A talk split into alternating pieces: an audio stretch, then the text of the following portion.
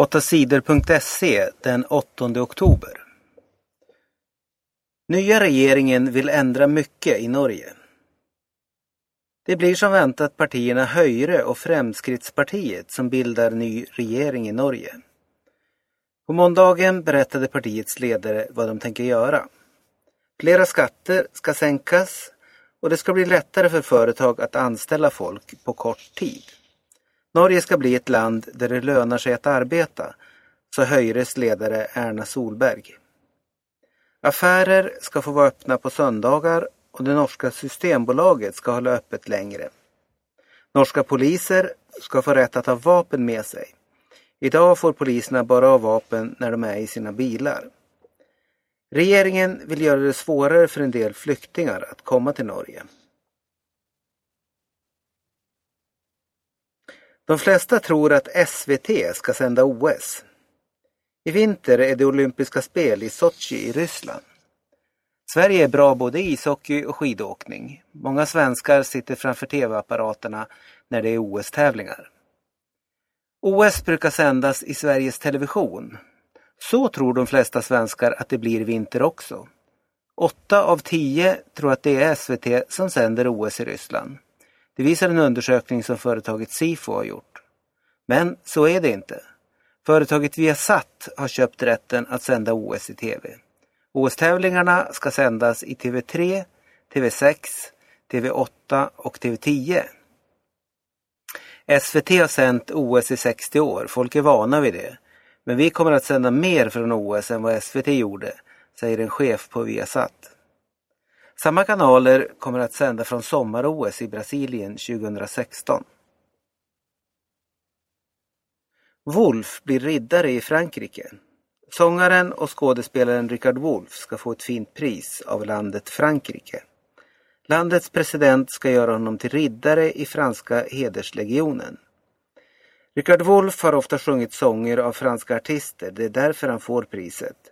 Wolf berättar för Sveriges Radio att hans föräldrar bodde i Frankrike innan han föddes. Det gjorde att det franska alltid funnits med i vår familj. Som något härligt och romantiskt, säger han. Människor fortsätter att fly över Medelhavet. I förra veckan dog flera hundra flyktingar i en båtolycka i havet utanför Italien. Flyktingarna kom från olika länder i norra Afrika.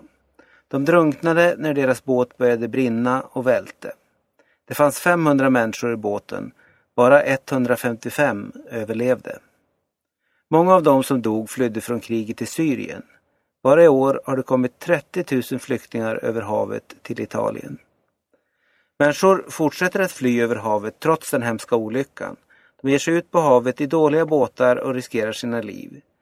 Sedan i söndags har italienska båtar räddat minst 400 flyktingar på Medelhavet. Terrorister försökte döda sjukvårdare. Terrorister sprängde på måndagen en polisbil i Peshawar i landet Pakistan. Bilen stod parkerad vid ett hus där människor fick vaccin mot sjukdomar. Två poliser dödades när bomben sprängdes. Många människor skadades. Poliserna var där för att skydda sjukvårdarna mot terrorister. Talibanerna i Pakistan tycker att det är fel att vaccinera människor mot sjukdomar. Judarna och USA vill stoppa islam genom att vaccinera muslimer, sa talibanledaren Ahmed Marwat efter attacken. Elever blev rånade på sina datorer. Flera elever på en skola i Malmö blev rånade på måndagen. Några ungdomar hotade dem med vad som såg ut som en pistol. Rånarna tvingade eleverna att lämna ifrån sig sina datorer. Det hände vid lunchtid precis utanför skolan. Poliserna söker nu efter tre killar som är mellan 15 och 18 år gamla.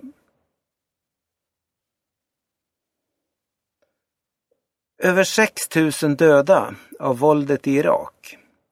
På måndagen hände det igen. Fler bomber sprängdes i Iraks huvudstad Bagdad. Minst 38 människor dödades.